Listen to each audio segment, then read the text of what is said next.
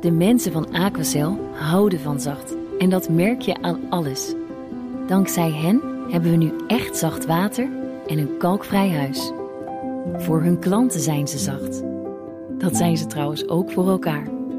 Voor ons zijn zij de kracht van zacht. Aquacel. 100% zacht water, 100% kalkvrij. Factgoeroes. Ja, en dat doen wij elke dinsdag met Frank Leeman om tien voor negen. Frank, goedemorgen. Hi, goedemorgen. Een nieuw Duits onderzoek beweert dat het kantelpunt waarbij een elektrische auto minder CO2 uitstoot dan een auto met een verbrandingsmotor nu 90.000 kilometer is. Ja, en het is een onderzoek wat een dag of vijf geleden in het Dagblad van het Noorden te lezen was. Met de kop: stekkerauto past na, na 90.000 kilometer echt groen. En nu hebben we inmiddels ja allerlei van die getallen voorbij horen komen voor Ja, break-even punt. Ja. Maar de laatste jaren, met steeds meer hernieuwbare energie in ons elektriciteitsnet, was het getal eigenlijk een stuk lager dan dit. En daarnaast werd het op social media, met name natuurlijk bij X, eh, een dingetje, omdat een lid van het Europees Parlement hierover tweette dat dus elektrische auto's waardeloos zijn. Ja, nou ja, dat is niet helemaal waar. Pas met 90.000 kilometer haal je het een beetje in. Eh, we hebben ook wel eens eerder Duitse onderzoek gezien. Daar was het 400.000 kilometer. Maar dit Duitse onderzoek, wie is de eh, grote boosdoener van dit, van dit verhaal? Van dit verhaal, ja, het is uitgevoerd door VDI, de Verein Deutsche Ingenieuren. En dat is eh, de grootste ingenieursvereniging van West-Europa.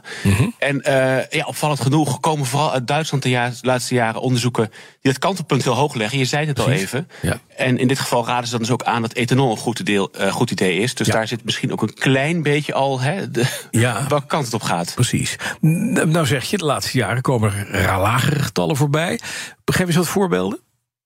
Eh, de AWB die heeft over een kantelpunt bij 39.000 kilometer. Reuters heeft het stevast over een kantelpunt tussen 25.000 en 35.000. En de ICCT, de International Council on Clean Transportation, komt met 21.000 kilometer voor een Tesla Model I gereden op de energiemix van de UK. Dus dat is allemaal echt wel significant, eh, significant lager. Precies. En dan zegt dit 90.000. Waarin zit dan het verschil van de, van de VDI?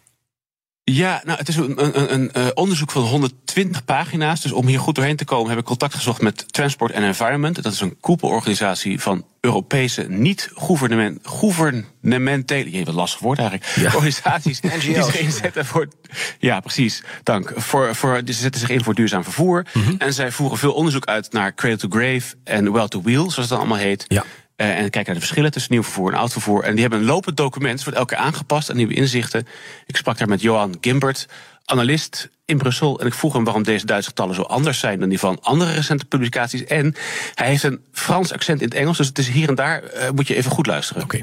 The main cause of difference, the study takes into account the WLTP emissions, which are basically lab tests, whereas uh, STNE we usually take into account real-world emissions. Ja, wacht even. WLTP, dat is, die, eh, dat is die standaard die neergezet is. En dat is iets anders dan de echte wereld, hè?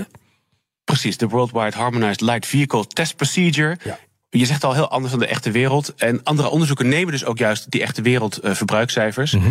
En juist niet de WLTP. Dus om een idee te geven hoeveel de werkelijke verbruikscijfers afwijken van de WLTP, geeft Johan een indicatie.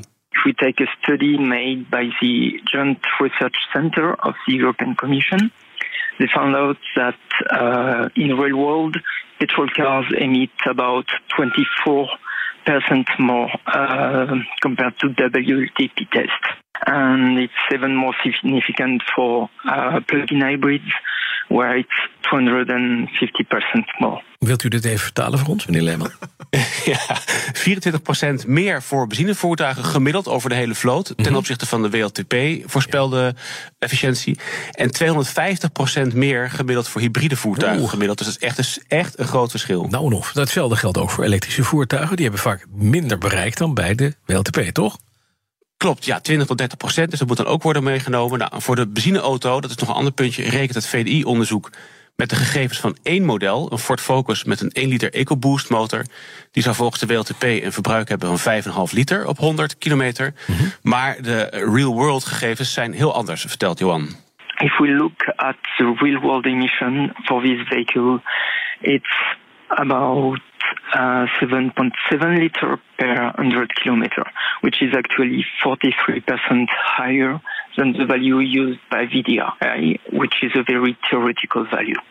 Oké. Ja, dus hij zegt, die Ford EcoBoost gebruikt 43% meer dan de WLTP zegt. Dus ja, als je dat onderzoek dan opnieuw gaat doen, dan gaan die getallen enorm verschuiven. Hm. Daarnaast is het in het onderzoek onduidelijk hoe ze hebben meegenomen dat olie of benzine ook niet echt vanzelf bij de benzinepomp terechtkomt. He, dat heten de upstream emissions. En die uh, upstream emissions worden wel genoemd in het document, maar het is niet duidelijk volgens welke methodes die dan meegenomen worden. En ze gebruiken nog relatief oude schattingen van hoe batterijen geproduceerd worden. Oké, want het komt dus uh, uh, uiteindelijk hè, op die 91.000 kilometer. Is dat dan een houdbaar verhaal of niet?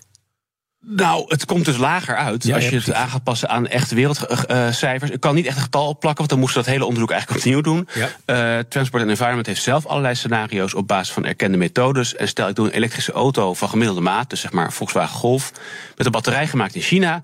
En de auto rijdt in Polen, waar ze vrijwel geen groene energie hebben. Dan is de elektrische auto naar 70.000 kilometer break-even, Mhm. eh, vergeleken met een diesel. Dus dat hè, dan doe je alles op z'n ongunstigst. Nou, als je een EV neemt met een batterij uit China, rijdend in Nederland, is dat break-even punt 35.000 kilometer.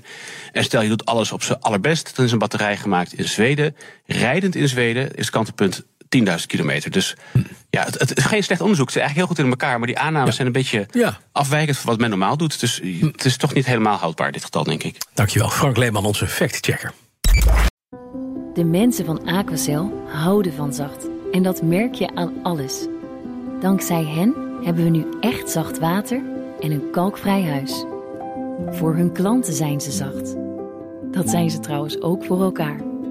Voor ons zijn zij de kracht van zacht. Aquacel. 100% zacht water, 100% kalkvrij.